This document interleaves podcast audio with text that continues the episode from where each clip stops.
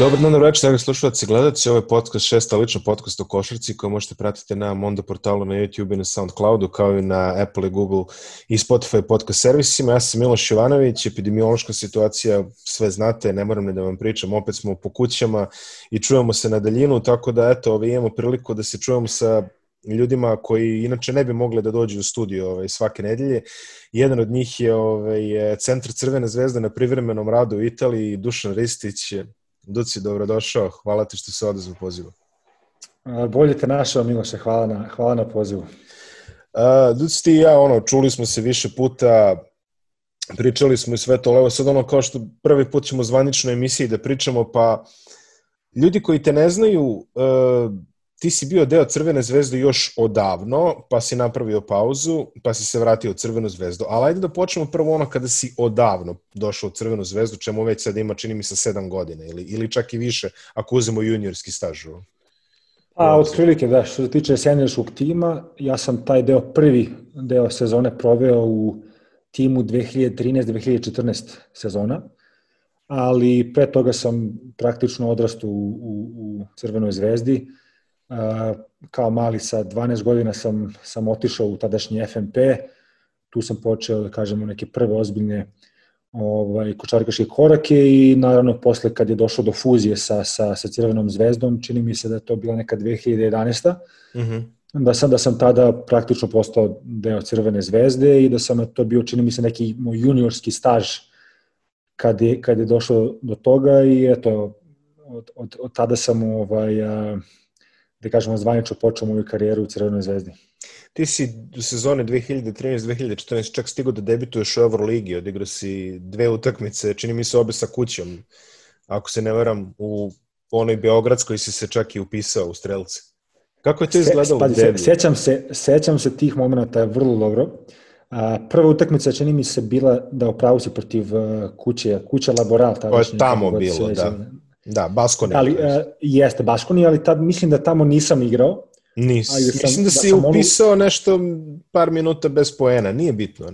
Nisam 100% siguran, ali mislim da sam prvu uh, odigrao nekih nekoliko sekundi kod kuće. Mm. A prvu utakmicu da sam se upisao je bilo protiv Lijatus Ritasa. E, eto, može i to da bude. Li, da. U Litvani. U Litvani dva bacanja sam pogodio, toga se sećam. E, da, da, da, tako je. Uh, to, znam da nisi igrao protiv onih ovaj, topova, bili su Panathinaikos, Maccabi i još nekih para. Odigrao si one utakmice ovaj, što je Zvezda pobedila.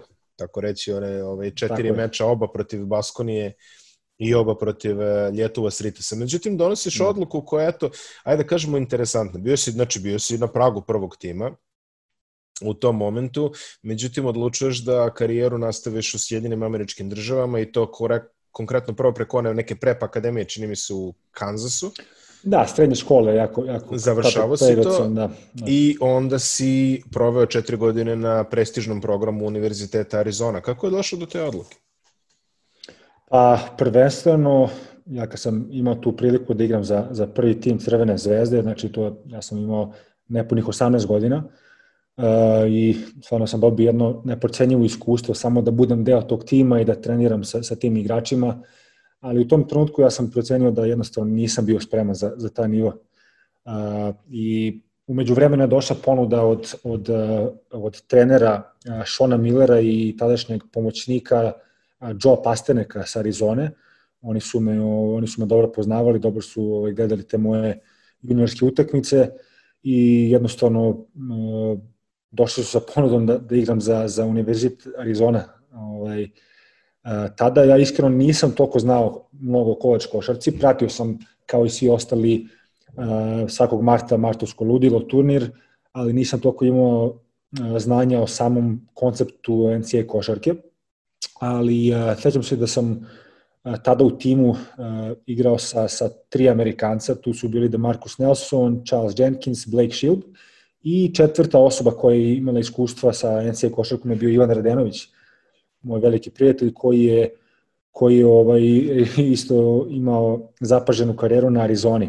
Ja to igrom slučaja bez, bez ikakve njegove konekcije, ja sam dobio isto ponudu sa Arizone i kad sam ja njima rekao, njima četvorici o tome, oni su stvarno se onako baš prijatno iznenadili, oduševili ovaj, oko toga i rekli su mi stvarno najbolje, sve najbolje koč košaci i kako oni smatruju da je to verovatno uh, jako dobra uh, sredina za mene, kako bi se razvio kao igrač i kako bi posle bio spreman za, za profesionalni svet. Uh, normalno uz to posavjeto sam se dosta sa mojom porodicom, čak sam i kontaktirao neke igrače koji su igrali u NCAA-u, Srbe naše, i eto, doneo sam nekako moju odluku da, da, da nastavim da nastavim svoju karijeru u Americi. nisam, ja se još tada sećam, nisam ovaj, bio spreman da kažem da, da, da, da ostvarim neki, neki ozbiljniji, da ostavim neki ozbiljniji trag kao 17-godišnjeg, 18-godišnjeg u Crvenoj zvezdi. Iz te perspektive smatrao sam da je najbolje za moju karijeru da odem u Ameriku, da, da, da nastavim da, da, da napredujem kao igrač, da, da napredujem u nekim nedostacima koje sam tada imao, najviše fizičkim nedostacima, i sa druge strane naravno da, da nastavim sa obrazovanjem koje meni tada predstavljalo onako jedan veoma, veoma bitan, bitan segment u svemu tome. I e, imajući sve to u vidu, ja sam odlučio da odem u Ameriku.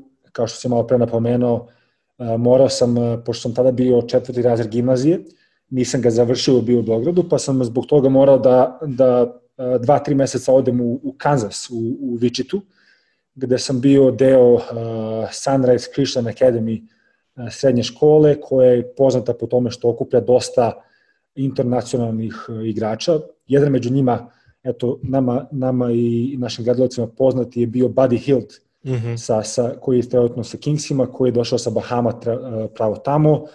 Uh, bilo tu dosta igrača uh, koji danas se bave profesionalnom košarkom. Jedan među od tih igrača je naš Vasa Pušica, on je bio saigrač u tom timu.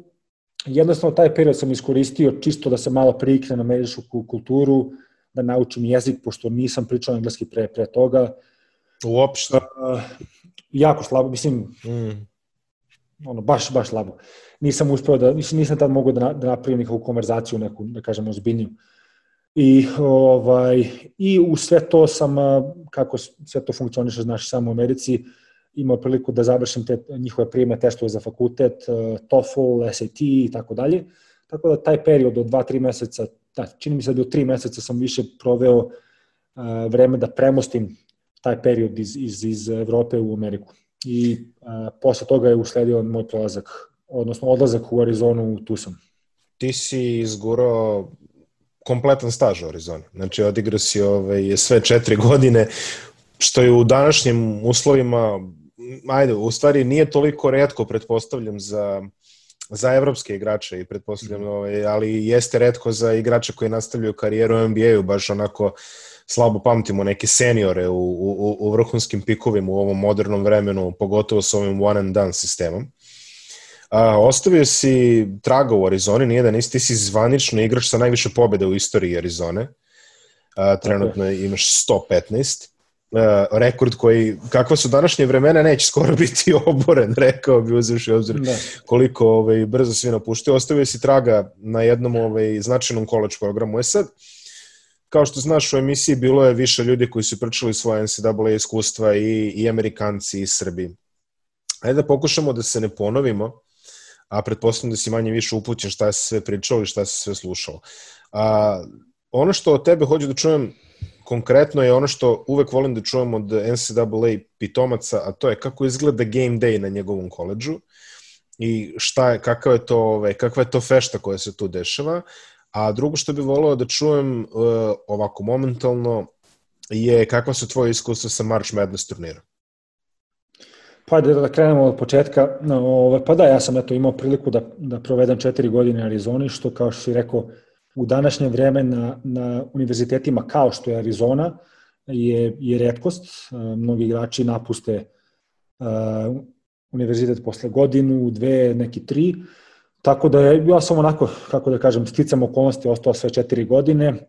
Uh, stekao sam uh, tu diplomu, uh, napredao sam i kao igrač i kao, kao čovek van terena. Mnogo, mi to, mnogo mi je to iskustvo pomoglo da, da sazrim u nekim drugim segmentima života i i sigurno sam ovaj, stvarno zahvalan za to iskustvo. Što se tiče, pitao si me to, ajde, da pokušamo da odgovorimo što originalnije moguće tu priču o NCAA iskustvu i u utakmicama. možda moje najlepše memorije sa Arizone su baš te sa, sa, sa game, game dayova, sa, znači sa, sa utakmica koje smo tada igrali, jer kao što si vjerojatno znaš, u, u Arizoni, gradu Tucson, gde se nalazi Univerzitet Arizona, za razliku od Phoenixa, gde recimo Arizona State koji ima i Sanse i Cardinals i, te četiri profesionalna tima, Tucson kao grad nema nijedan profesionalni tim, tako da smo mi da je košarkaški klub, košarkaški tim Arizone i donekle futbolski jedina atrakcija za, za ljubitelje sporta u gradu. Tako da ja kad sam došao tamo pre nego sam počeo da igram utakmice, meni su ljudi pričali koliko je u stvari ta, vlada ta euforija oko, oko, oko utakmica, oko sezonskih karata, kolike su e, redovi, e, e, koliko ljudi samo čeka da dobije sezonsku kartu godišnje. Ja sam slušao da je hiljade, hiljade ljudi godišnje čeka da dobije sezonsku ulaznicu na Arizoni, jer uh, McHale centar koji je, koji je uh, arena Arizone prima otprilike nekih 14.500 ljudi i to je bukvalno eto, za moje četiri godine koliko sam utakmica odigrao, možda nekih 140, 150, ukupno od, od pola od toga bilo kod kuće, svaku utakmicu uh, je arena bila ispunjena do kraja. Uh, I tu pričam, pričamo i o, o pripremnim utakmicama, prijateljskim utakmicama koje su, nisu imale uh, rezultatsku, va, rezultatsku važnost. Uh, jednostavno ljudi u, u gradu Tucson uh, vrednuju košarkaški tim i utakmice mnogo i to je za njih jedna stvar prestiža da, da budu da budu viđeni na tim utakmicama, da, da odu da, se, da se socijalizuju sa drugim ljudima, dosta da kažem, ja znam dosta ljudi koji su u pri univerzitetu profesora i ljudi koji su zaposleni u kompanijama u, Ariz, u, Ariz, u Tucsonu baš gradu, svi su oni ono da kažem svima je drago da, da, su, da, da se ponose time da budu takozvani season, season ticket holderi i, ovaj, i stvarno onako jedna velika, velika uh, stvori se jedna velika, velika euforija pred, pred svaku utakmicu i uh, recimo mi smo obično uh, imali uh, utakmice u nekim uh, posle podnevnim časovima oko recimo 6-7 uveče i onda bi uh, normalno naša predavanja su bila uh, uglavnom prepodne recimo, meni je, kako sad, ako se sećam dobro, su predavanja bila negde od, od 9 do, do 1 svaki dan.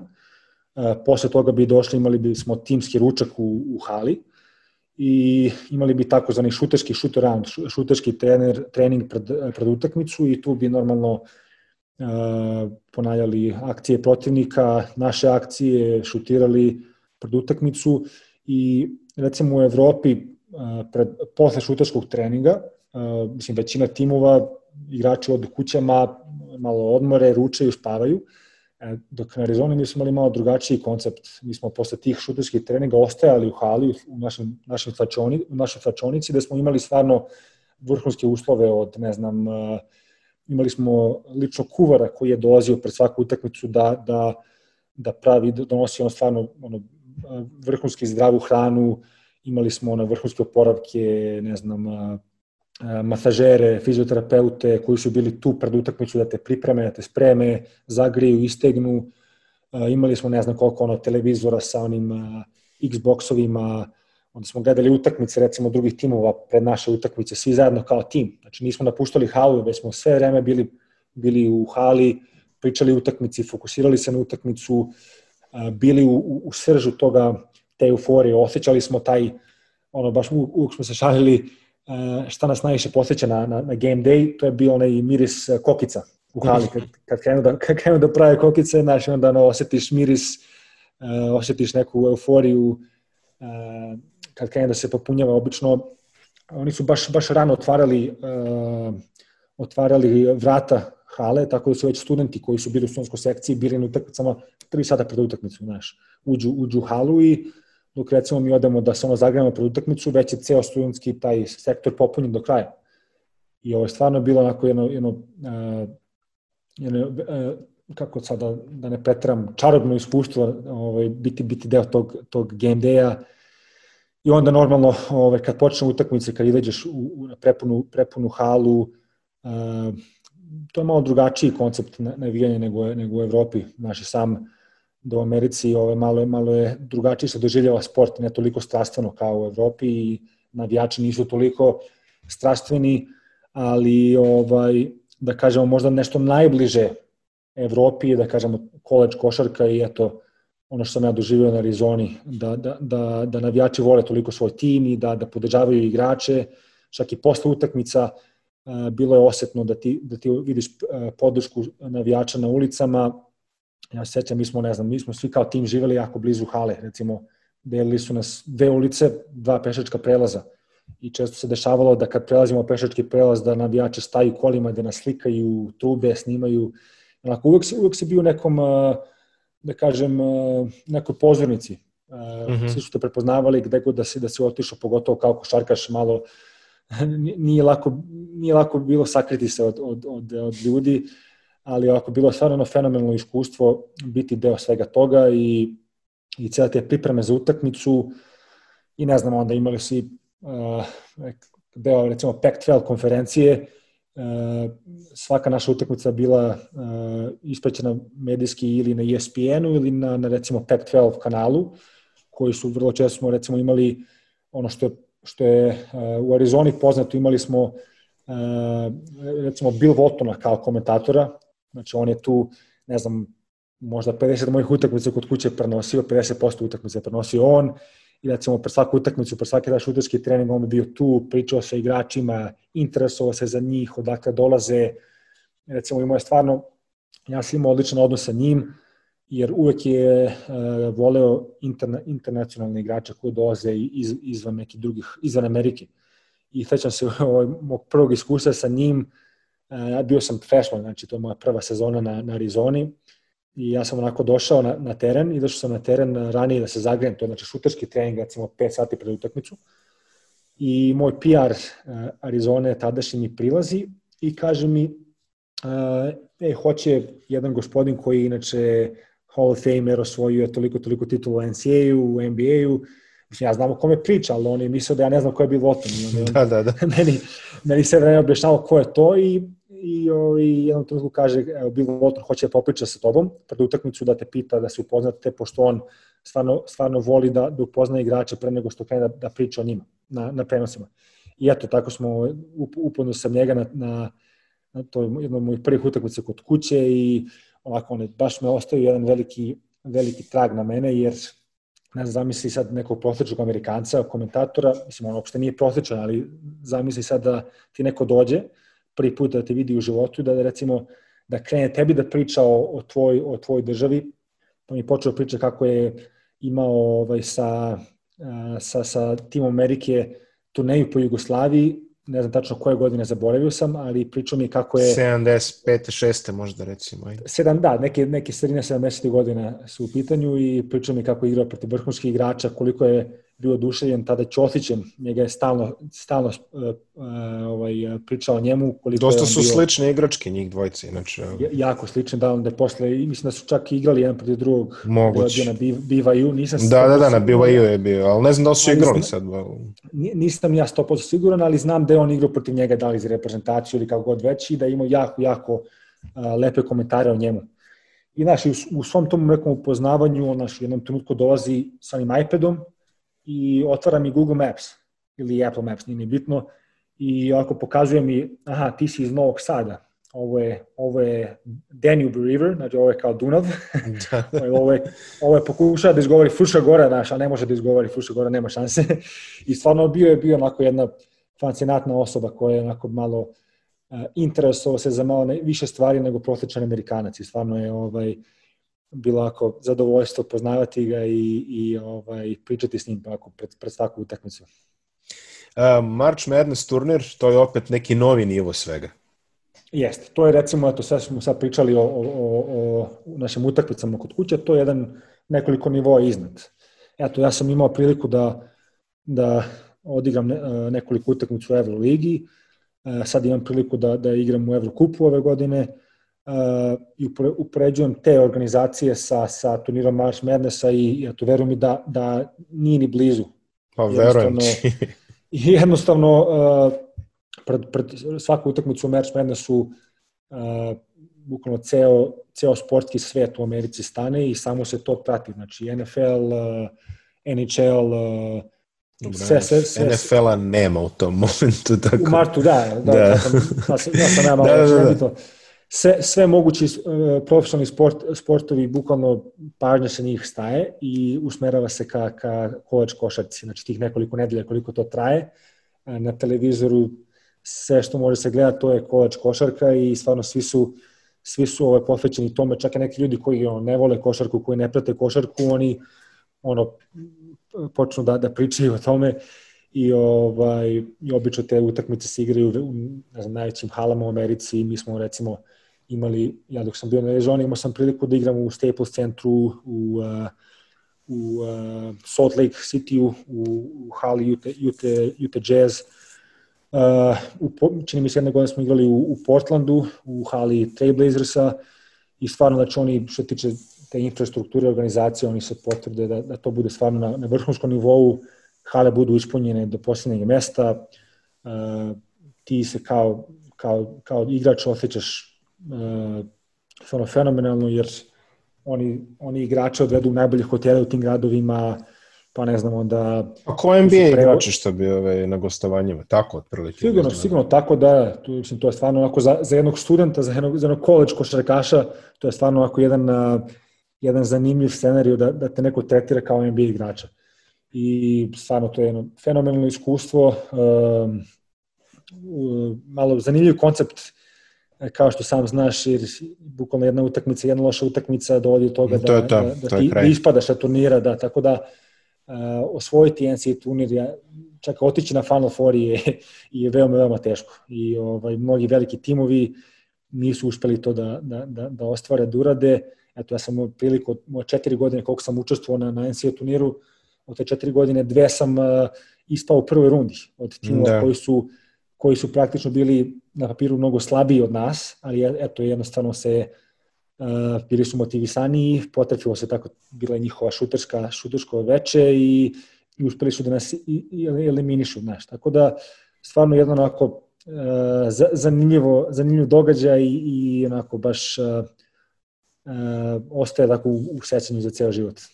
Četiri godine si proveo, znači, u društvu igrača kakve su DeAndre Ayton, uh, Lori Markanen, uh, Stanley Johnson, uh, i tako dalje. Između ostalog, ako sam dobro video, pomoć, jedan od pomoćnih trenera je bio ti je Damon Studemajer, ovaj, barem na prvoj godini, bivši igrač, tako je. bivši playmaker Toronto i Portlanda. I ovako nama jedan jako dragi igrač koji smo pratili NBA ovaj, krajem 90-ih i početkom 21. veka. Kada si završio sa svojom univerzitetskom karijerom, imao si opciju da ostaneš u Americi, da pokušaš da se izboriš, pošto nisi bio draftovan imao si opciju da se izboriš za mesto preko letnjih liga, G liga i svih tih ostalih stvari. Ipak si se opredelio da se vratiš u Crvenu zvezdu. A, kako si izabrao taj put, umesto da, mislim, ima, naravno ja znam da koliko je to teško, jeli? I ti si imao, imao si roster spot na letnjoj ligi za Phoenix Sunse, gde bi opet igrao sa DeAndre Aytonom u nekom momentu ali odlučio si se da ipak odeš u zvezdu. Zašto taj izbor? Mislim, ok, vrlo očigledno deluje na papiru, ali uh mhm. -huh. kaži mi ti zašto si tako izabrao. Da. mogu, mogu od početka da, da, da Naravno, da odgovaram. Da.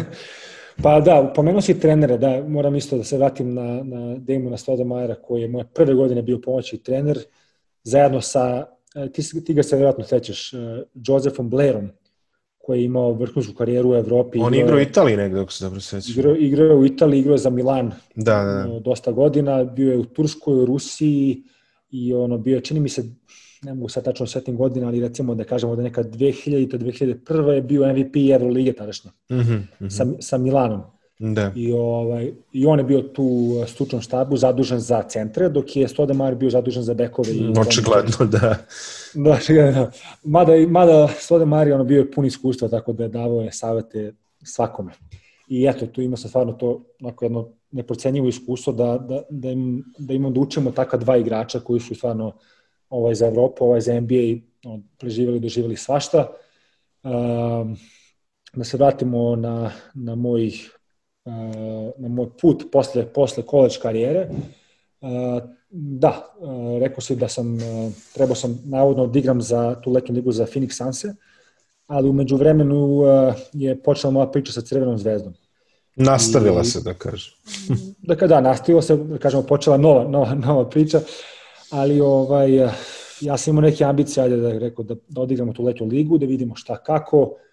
Uh, posle drafta, kad nisam imao neke prevelike garancije da, da bilo šta garantovano dobijem, uh, nisam iskreno, već sam tada počeo da razmišljam o ovom evropskom putu koji je u tom trenutku bio mnogo logičniji za mene nego, nego NBA. Imajući u vidu uh, trend košarke, kako se recimo uh, košarka menjala, pogotovo u NBA-u, moderne petice kojim su tokom išle i svi ostali moderni trendovi, jednostavno sam odlučio da je najbolje u tom trenutku bilo da se fokusiram na evropsku košarku.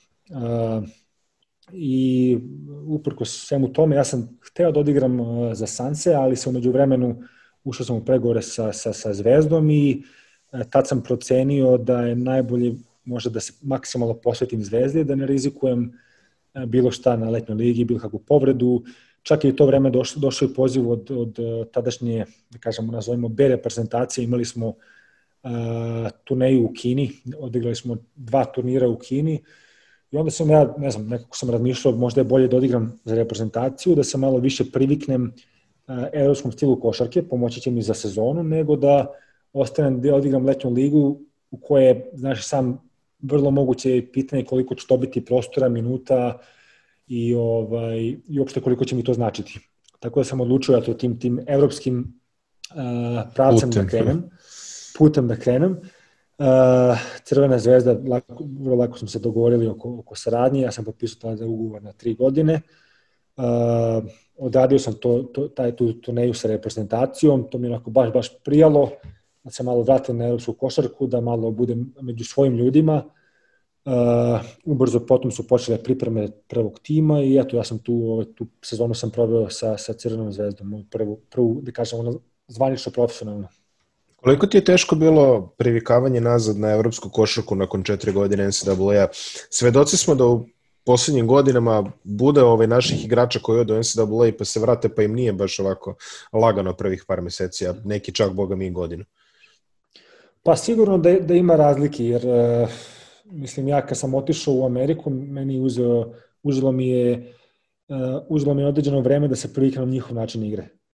Tako da kad sam se vratio ponovo, opet sam morao da prođem kroz tu neku adaptaciju uh, na evropsku košarku, jer opet to su, koliko god, to, mislim, to je isti sport, ali opet s druge strane uh, različiti stilovi košarke.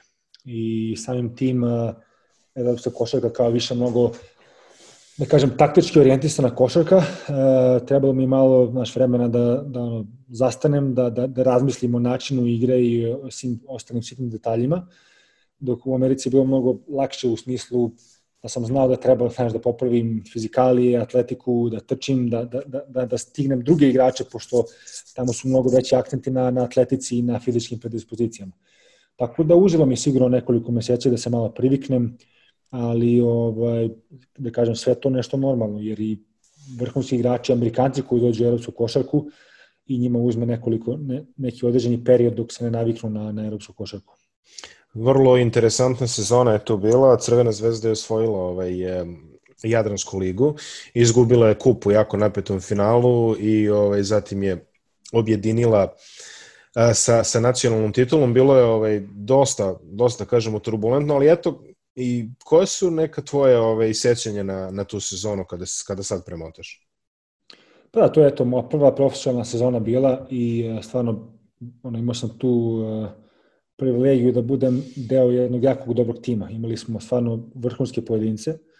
Uh, ja sam, uh, onako kao što sam malo pre rekao, kad dođeš sa, sa koleđa potrebno to neko vreme prilagođavanja, uh, obično igrači koji odu na malo niži nivo, njima taj period traje mnogo kraće i mnogo se lakše normalno prilagode na to.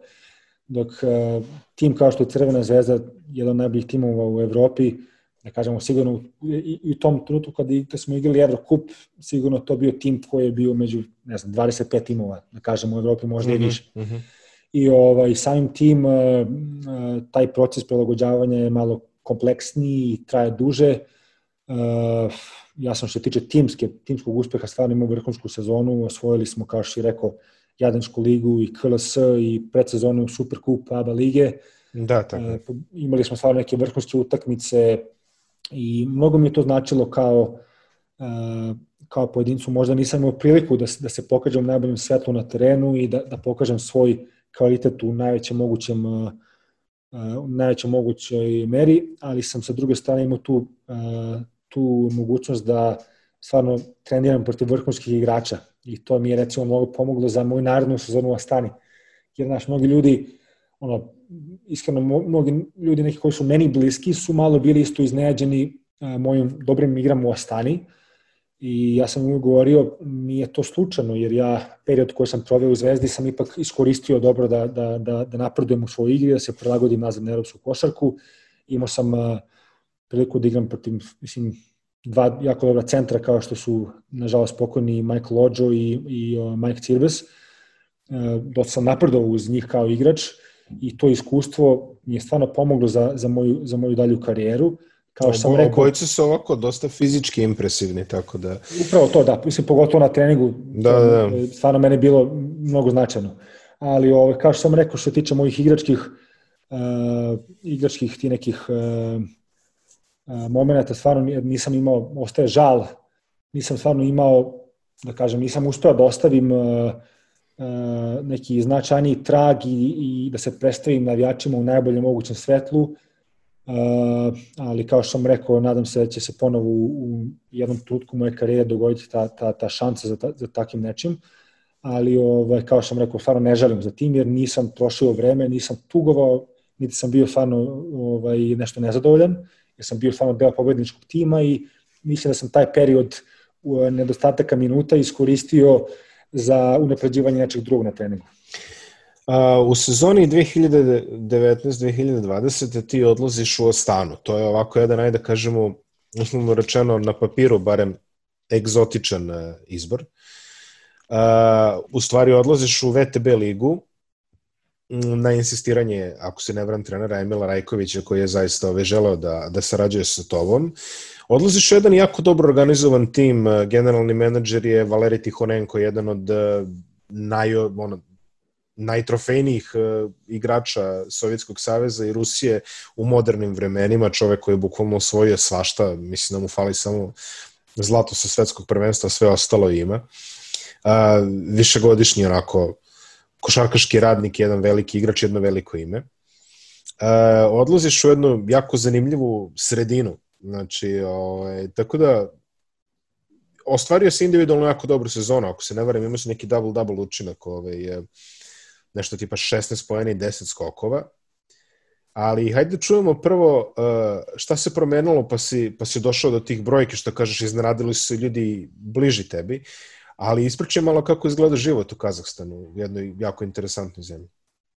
Jeste, jeste. Ovaj, pa ajde da se, da se nadovežemo na, na, na tu sezonu, znači ja sam ovaj, ubrzo, pot, ubrzo posle osvajanja KLS titule uh, iskreno ja sam ono, kako da kažem, uh, nisam bio zadovoljan svojim, svojom sezonom i individualnom učinku i nisam hteo da trošim vreme, nisam previše uzeo odmora, možda nekih desetak dana i odmah sam stvarno ovaj, nastavio sa radom. Stvarno sam to leto iskoristio maksimalno dobro da se pripremim za tu sezonu i umeđu vremenu u jednom trenutku je stigao poziv tenera Emila Rajkovića, za kog vratno nije mnogo, ako da kažem, ljudi u Srbiji čulo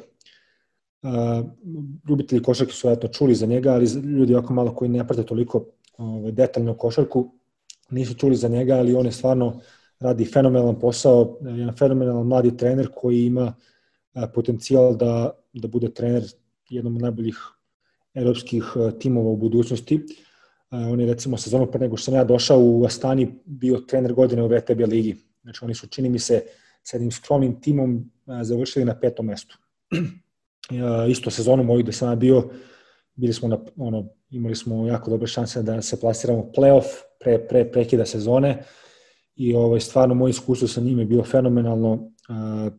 Recimo ono što je mene najviše fasciniralo i što je onako da kažem pomoglo mi da, da donesem odluku da odem u Ostanu je to što u, u sve tih priprema, u sve tog leta je meni stigao poziv od njega i on mi je u tom trenutku, posle te recimo jedne sezone gde je meni u Zvezdi malo samopouzdanje palo, mislim malo, malo više, ovaj, uh, on je recimo mene pozvao u tom trenutku i, i ovaj, rekao, bukvalno ovim rečima, uh, Dušan, ja sam te pratio prošle godine u tvom, uh, u tvom limitiranoj ulozi u Zvezdi, uh, pratio sam tvoje, tvoje snimke sa Arizone ja sam video nešto u tebi.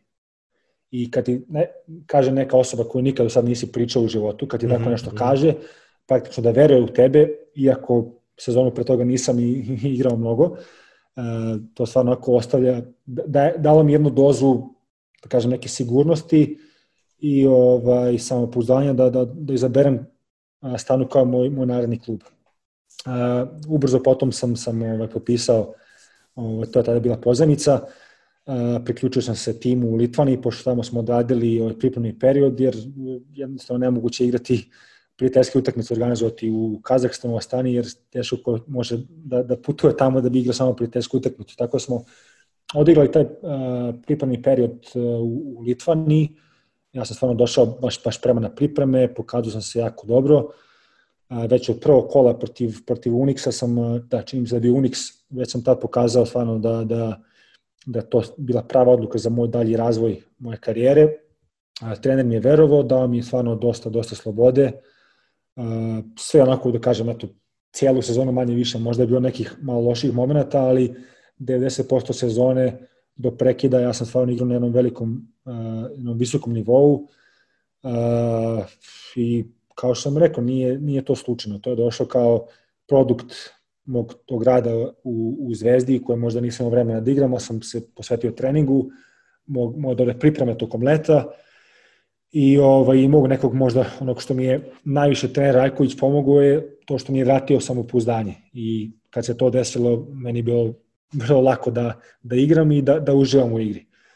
A, što se tiče Astane kao, kao grada i Kazahstana kao države, da, složio bi se to jedno, jedno jako veoma uh, interesantno iskustvo. Znaš, tamo sam, ono, kada je došla isto ta ponuda da stane, ja sam bio malo skeptičan jer opet uh, Mislim, ko ide u Kazahstan da, da igra košarku, da, da napreduje, znaš. Mm -hmm. Ako malo, meni je bilo malo to sve čudno skeptično, ali opet s druge strane bila tu VTB liga, jako dobar trening, jako dobar trener, pardon, i ovaj, kad sam došao, došao tamo, ono, malo sam bio baš fasciniran, bukvalno svačime, jer grad je, grad je onako malo ne svakidešen, čudan, drugačiji, počeo od arhitekture do, do ne znam, rasporeda, to je onako ljudi, najbolji opis za ljude možda koji nisu imali priliku da vide stanu na slikama ili uživo, kao god. Uh, mnogi ga opisuju kao zimski Dubaj.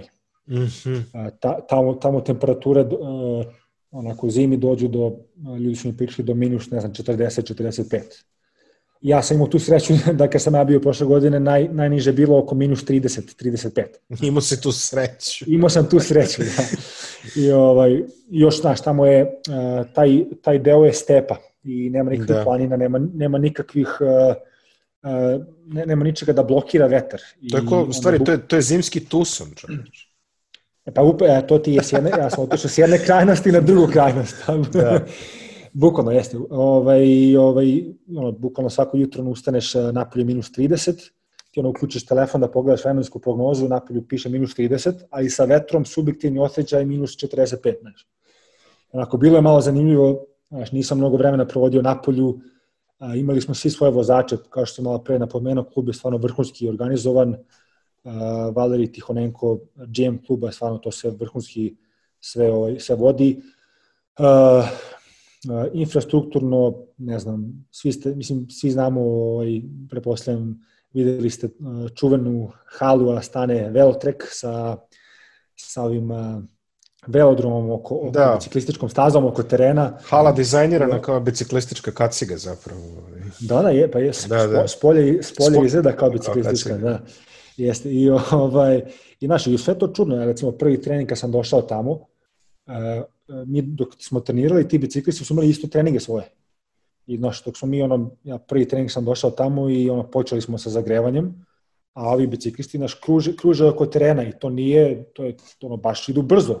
Mm. Ako malo, uzlo mi je vreme da se malo navikne na to, jer ono, naš, početi se vrti u glavi, gledaš kako, naš, da, kako, da, se, da, kako da, se okreću, naš, I ako bilo je malo sve, bio mali šok za mene, kulturološki šok, znači počeo sam pričam od, od ljudi do kulture, do ne znam, arhitekture, svi ti neki drugi stvari, ali sam se brzo, brzo sam se navikao i eto, imao sam stvarno jedno, jedno, jedno lepo iskustvo u Astani i da, s druge strane, to treba da napomenem, imao sam tu sreću da sam, da sam e, po mom dosku tamo upoznao sam se sa našim futbalerima, sa, sa Erićem i Rukavinom.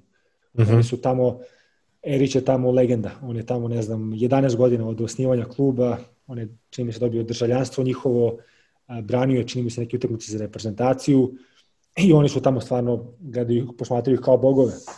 I oni su mi onda posle malo uh, pokazali grad, objasnili gde su najbolje mesta, najbolji restorani, uh, gde, ne znam, pošto uh, u Astani život se svodi na, na, na ne znam, na, na, tržne, na tržne centre, restorane i sve unutra. Jednostavno, jako je teško biti napolju, pogotovo kad je toliko hladno.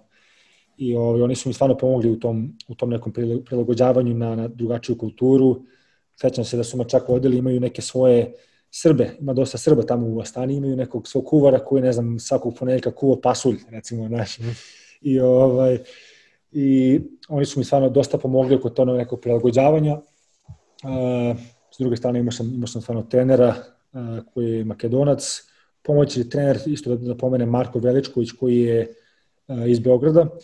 Tako da sa te strane sam stvarno imao jednu veoma, veoma dobru podršku, uh, dobro sam radio sa njima, treniralo se dosta i eto sve u svemu iz ove neke perspektive to je bio ne kažem onako pravi potez za, za, za, za, za moju karijeru i, i pomoglo mi stvarno dosta da vratim neko moje samopouzdanje igračko.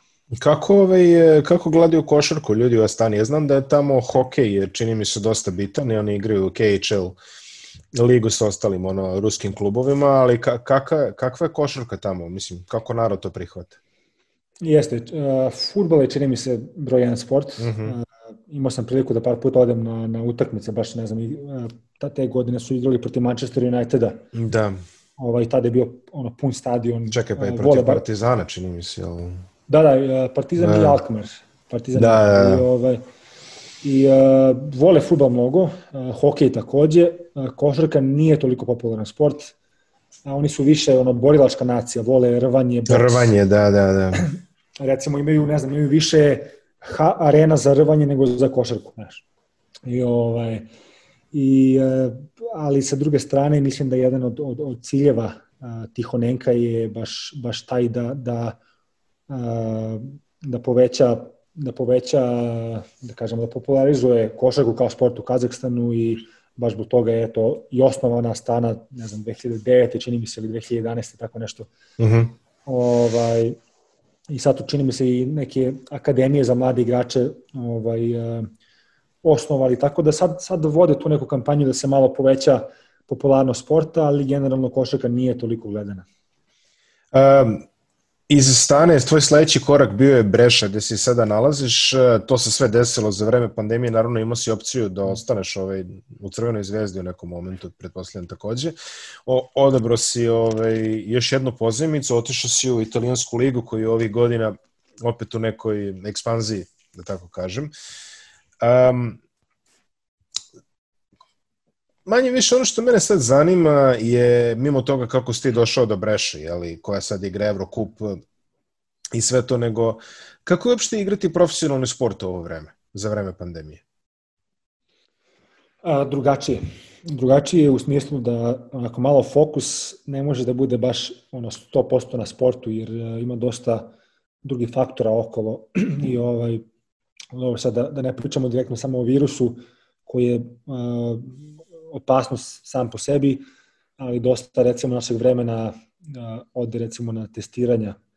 Mi, mi se testiramo svaka dva do tri dana i onda idemo u, po tim bolnicama, i, to imamo našu tu neku njihovu sportsku privatnu bolnicu koju, gde nas ljudi testiraju pred svaku utakmicu i to dosta vremena oduzima, svi znamo da ti testovi nisu toliko pouzdani, u smislu da se često dese neke greške, neki, mm -hmm. ne znam, lažno pozitivni rezultati, što vam se dosta puta dešavalo ove godine, onda kad se to desi ceo tim, ne znam, karantin, pa onda moramo ponovo da, da, da nas testiraju, pa kad dođu drugi testovi, pa onda smo slobodni, pa onda možemo da igramo, ne možemo da igramo.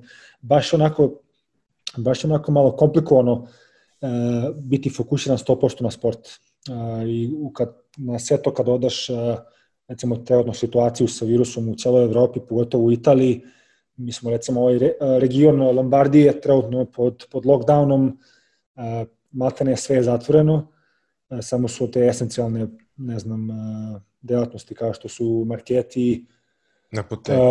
Apoteke, da, oni su otvoreni, ljudi mogu da na posao, mi, mi idemo normalno na treninge sa, sa, odlič, sa odličnom papirologijom. Recimo, ako su, dosta puta sve godine dešavalo da igramo utakmice posle, posle 10 sati, znači završimo utakmicu mm -hmm. posle 10, a ovde je policijski čas od 10 do 5 ujutro, moramo da punjavamo dodatnu papirologiju, da pišemo gde idemo, odakle idemo, sve te neke sitne podatke. Onako, kao što sam rekao, malo je, malo je fokus, nije 100% na košarci, jer, jer dosta toga se dešava i, i on, svi se trudimo da se maksimalno ono, fokusiramo na košarku, da, da ne razmišljamo toliko previše o, o drugim stvarima, ali jednostavno mislim da je nemoguće da se, da se, to, da se u ovim okolnostima skroz isključiš. Pazi, vi još igrati Evrokup, kako izgledaju međunarodno putovanje? E pa znaš kako, uh, imali smo tu sreću, osim Ulma, znači išli smo autobusom do Ulma, to je bilo neki 6-7 sati puta, osim Ulma imali smo recimo u, Podgoricu, u Podgoricu dva puta i u Maligu smo išli čarter letom, jer navodno u Italiji te te njihove charter kompanije su isto u lošoj situaciji jer ne lete već nekoliko meseci. Da. I onda su valjda klub je napravio neku saradnju sa njima gde su dobili neke velike popuste jer ovima je bolje da, da nešto rade nego da ne rade uopšte. Tako smo imali eto, tu, tu sreću da, da tri, na tri gostovanja idemo čarter letovima što nam je dosta pomoglo znaš, da, da izbjegnemo gužve, da izbjegnemo ljude na aerodromima Ovaj, znaš, to, to, je, to je bila, da kažemo, neka srećna okolnost, ali onda posle opet kad sletiš u tu zemlju, to su a, strogi, strogi, da kažemo, a, stroge mere, a, nema izlazaka iz, iz hotela, a, maske se nose svuda, bukvalno samo u sobi kad smo ne nosimo maske i ono kad ručamo, na, kad ručamo večeramo na, u restoranima, ali ovaj, ba, baš onako da kažemo, a, strog režim i čim se vratimo, vratimo sa putovanja ponovo testovi i ono, malo, malo je sve to onako istrpljujuće za nas igrače, ali opet uh, mislim da je, iako nemamo sad to mogućnost da, da igramo pred navijačima, mislim da ipak ovo jedini, jedini, jedini e, način da, da, da se sport nastavi, jer smatra, stvarno smatram da ne bi trebalo da se ništa prekida. Jeste da je ovo onako uh, dosta rizično za dosta igrača koji su, koji su se razboleli i, i tako dalje, tako dalje, ali mislim da jednostavno uz te neke mere predostrožnosti, neku, neku kolektivnu odgovornost, da možemo da izgledamo u sezonu do kraja. Jer opet, znaš i sam, kad je ono maštu sve stalo, jednostavno i, i navijači ti koji nisu mogli dođu na utakmice, nisu mogli ni, da gledaju te utakmice na televiziju. Tako da sad barem ja znam kad dođem kući mogu se bolje osjećam kad mogu da pogledam neke utakmice Evrolige ili Evrokupa i nekih drugih liga Tako da smatram da, da, da sport treba nekako da nađe način da, da, da, da se igra. Nije ni malo lako, neće ni malo biti lako u narodnom periodu, ali kao što sam rekao, uz neku kolektivnu odgovornost i, i, ovaj, i neko, neko strpljenje, mislim da ovo može da se, da se odigra do kraja. Pa pazi, u nekom mojem viđenju sve je bolje od neigranja. Tako da, ovaj, Apsolutno. Da, videli Apsolutno. smo već kako je to izgledalo ovaj, za vreme onog inicijalnog lockdowna u martu i aprilu. A, da. Hvala ti na ovim informacijama. Hajde sad još malo samo da kažemo o Breši, tvoj trener je jedan od legendarnih ovaj, strelaca 90-ih i ranih 2000-ih, eh, Vicenzo Esposito, čovjek koji je imao dugu, jako interesantnu karijeru. Uh, i koji se ističe svojim stylingom, jeli, ovaj, često nosi ovaj, patike i odela. Ovaj, I, Jordan, K, Jordan K odela. Da, da vrlo, je, vrlo je ekscentričan u tako nečemu. Uh, od takvog e, igrača koga pamti zna da je to bio jedan izraziti skorer i ovaj, e, igrač koji imao pojeno rukama, ipak nije takav kao trener. Mislim, ne baš direktno. Pa ne bi bilo dobro da je takav. ne bi bilo dobro da je takav. da. Pa ovaj, e, da, slažem se ja iskreno nisam imao priliku da ga, da ga gledam kad sam bio, kad sam bio mlađi, mislim, Ovaj, da, čuo sam da je on bio, čini mi se, prvi italijan koji je igrao u NBA-u. U, u Toronto, da. I, u Toronto, da, i imao je dosta, imao neke priče s njim, ima dosta iskustva sa NCAA košarkom, dosta je usko je povezan sa tim, ima dosta, dosta kontakata sa nekim trenerima, tako da je dosta upoznan sa američkom košarkom. I pratite neke moderne trendove i, i stvarno je, što me tiče, je jako dobar trener. A, mi kao tim jednostavno nismo imali tu sreću da otvorimo sezonu kako treba. E, upali smo u neku seriju poraza, kako u Evrokupu, tako u, u, u italijanskoj ligi.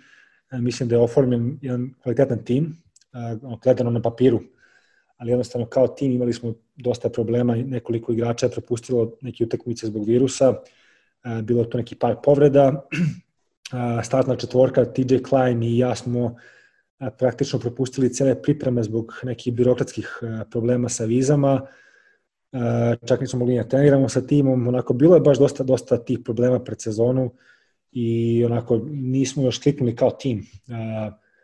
da kažemo, posljednje tri utakmice protiv Mornara, budućnosti i Brindisija, Brindisi koji igra stvarno dobro ove sezone, onako, pokazali smo neke znake napretka, ali i dalje ta konstantnost nije tu. Ovaj, ono, trener, kao što sam malo pre napomenuo, stvarno trudi se da se to naš, ispravi, da dovede, dovede u red, uh, ali ovaj, ja sam optimista i smatram, eto sad, posle ovog dvonedeljnog, dvonedeljne pauze, mislim da ćemo da će vam dobro to doći, da, da malo se onako kao, kao tim pregrupišemo, da, da provodimo nekim, nekim dostacima i mislim da, da ćemo već, eto, mislim da je prva utakmica nekog 5. 6. decembra protiv Fortituda u italijanskoj ligi, da ćemo već sad imati priliku da, da ispravimo te neke, neke ovaj, stvari koje smo imali i da pobedimo tu utakmicu napokon, jer kao što sam rekao, imali smo dosta nekih nenadanih poraza, no, vodili bismo, ne znam, celu utakmicu za 30-35 minuta i onda na kraju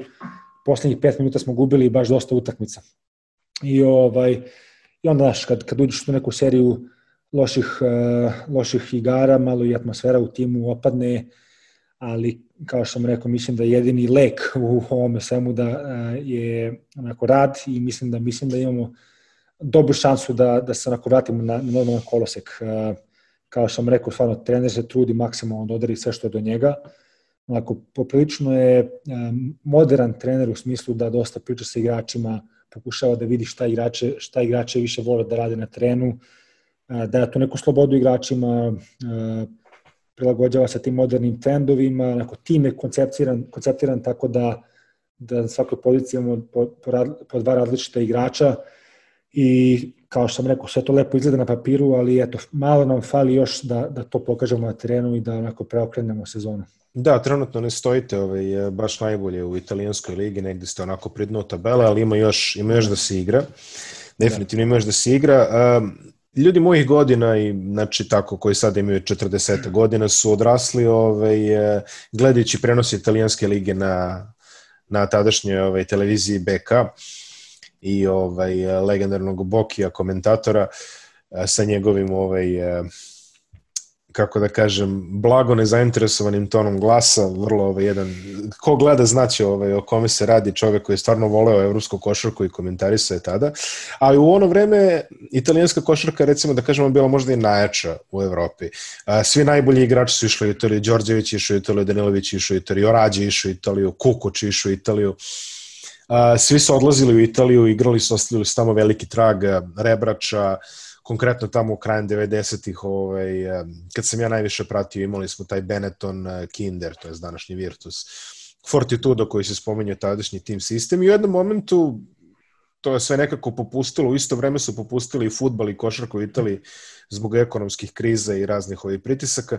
Međutim, u poslednje vreme čini se kao da se Italija sportski malo regeneriše, Počelo je to od futbala, a u poslednje vreme i u košarci su takođe nešto veće investiranja. Armani stvarno ulaže velike, ove, velike pare u Milano. Prethodne dve godine imamo slučaj da se dosta para investira u Virtus. A, dovedeni su ovaj, neki igrači koji realno da kažem možda i kvalitetom nadilaze ono što je italijanska liga bila u poslednjih nekoliko sezona.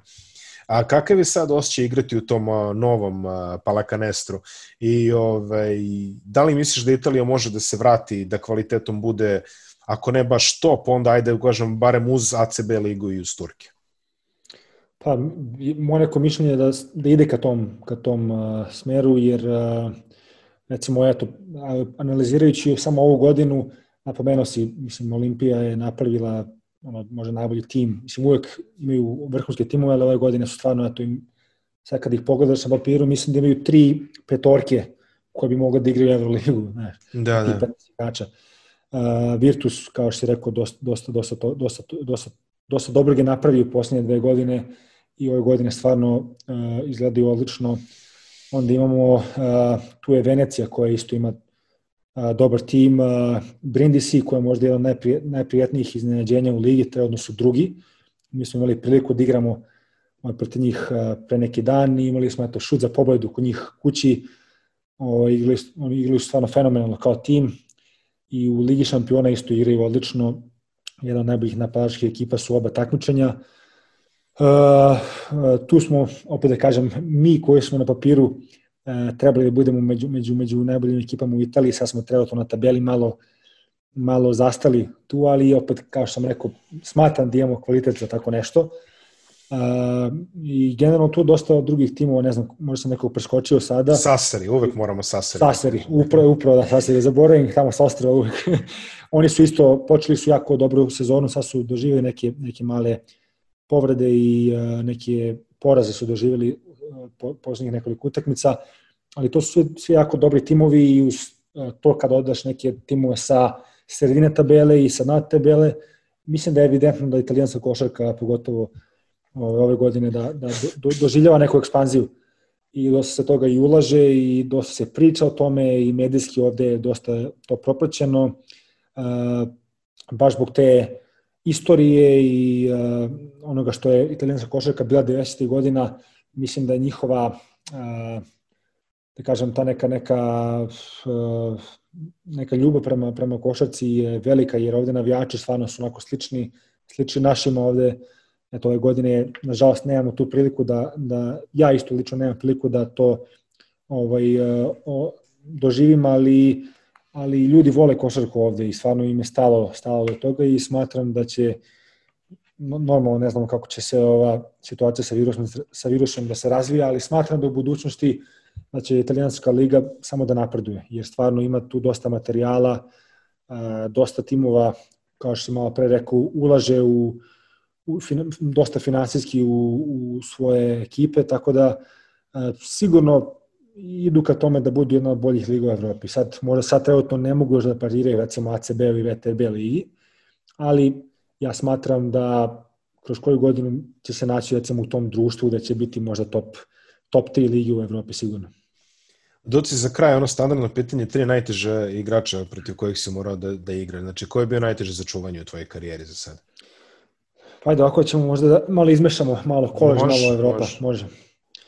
Uh, kad pričamo o koleđu, ja moram da napomenem Ejtona, jer s njim sam ono, proveo celu sezonu čuvajući ga, ne samo jednu dve utakmice, nego celu sezonu i ovaj, stvarno nisam eto, do sad u karijeri imao priliku da, da igram, odnosno čuvam igrače kao što je on. Stvarno takve fizičke predispozicije i tehnika u sve to, to je onako baš, baš redko, redko viđa.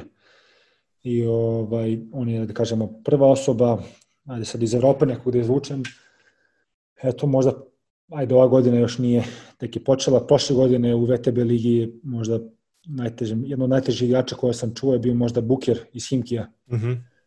Onako, jako nezgodan za čuvanje jer može da odigra i unutra i može šutne s polja, čvrst je, brz, atleta, skače, onako bilo je bilo je onako malo teže igrati protiv njega.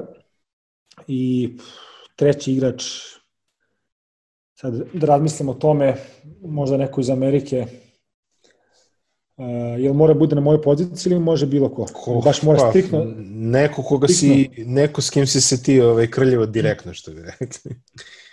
Direktno. Onda, onda na mojoj poziciji bolje. bolje nećemo, bolje, bekoj, da. nećemo bekoj uzimati u, u obzir.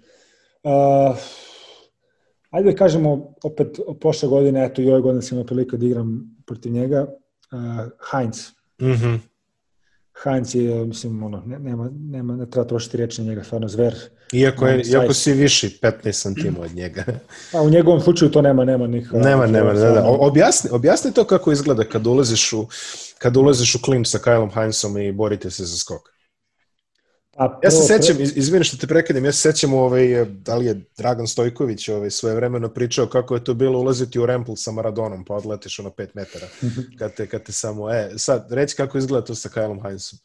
Pa ono, iskreno, uh, kad ga vidiš oko van terena, prvo pomisliš da je ono NFL igrač, ne, ne uopšte, po građe ne izgleda kao košarkaš i, ovaj, i onda kad uđeš u kontakt sa njim, on je pre svega, pre svega ono, čvrst kao stena, ne možeš da ga pomeriš uopšte, ima, ima nisko težište i dugačke ruke. I sve to kad iskombinuješ, ono, dobiješ igrače kao što je on, jer ba, baš, ono, iskreno, baš je teško ono, dati koš, ono, iako, iako, mislim, recimo nije slučaj samo sa mnom, dosta recimo igrača koji su više od njega ne mogu da iskoristi tu visinsku razliku baš zbog njegovih tih fizičkih predispozicija. Um, I ono, kao što sam rekao, baš ono, jedan od igrača kojima sam imao stvarno najviše problema da, da igram ono, prošle godine i čak i ove godine. Eto, jedna od moje najloših utakmica ove godine je bila protiv, protiv njega baš. Tako da nije, nije to slučajno. Nije to slučajno, da. Nije slučajno, da. Uh, Dušan, nadam se da će se Breše izvući ovaj, iz, iz situacije koje je trenutno i nadam se pre svega da ćeš ti ovu sezonu dočekati da vidiš navijače ovaj, na tribinama. To je nešto što bi nam svima bilo drago, ne samo tebi, evo, nego eto, baš bukvalno da kažem svakome koji je u ovom sportu. Hvala ti puno još jednom što si se odezvao na gostovanje i puno sreće ti želim u ostatku sezone i karijere. Hvala ti puno, kao što sam rekao na početku, pratim tvoj podcast stalno i stvarno zadovoljstvo je bilo biti, biti gost ovde. Hvala.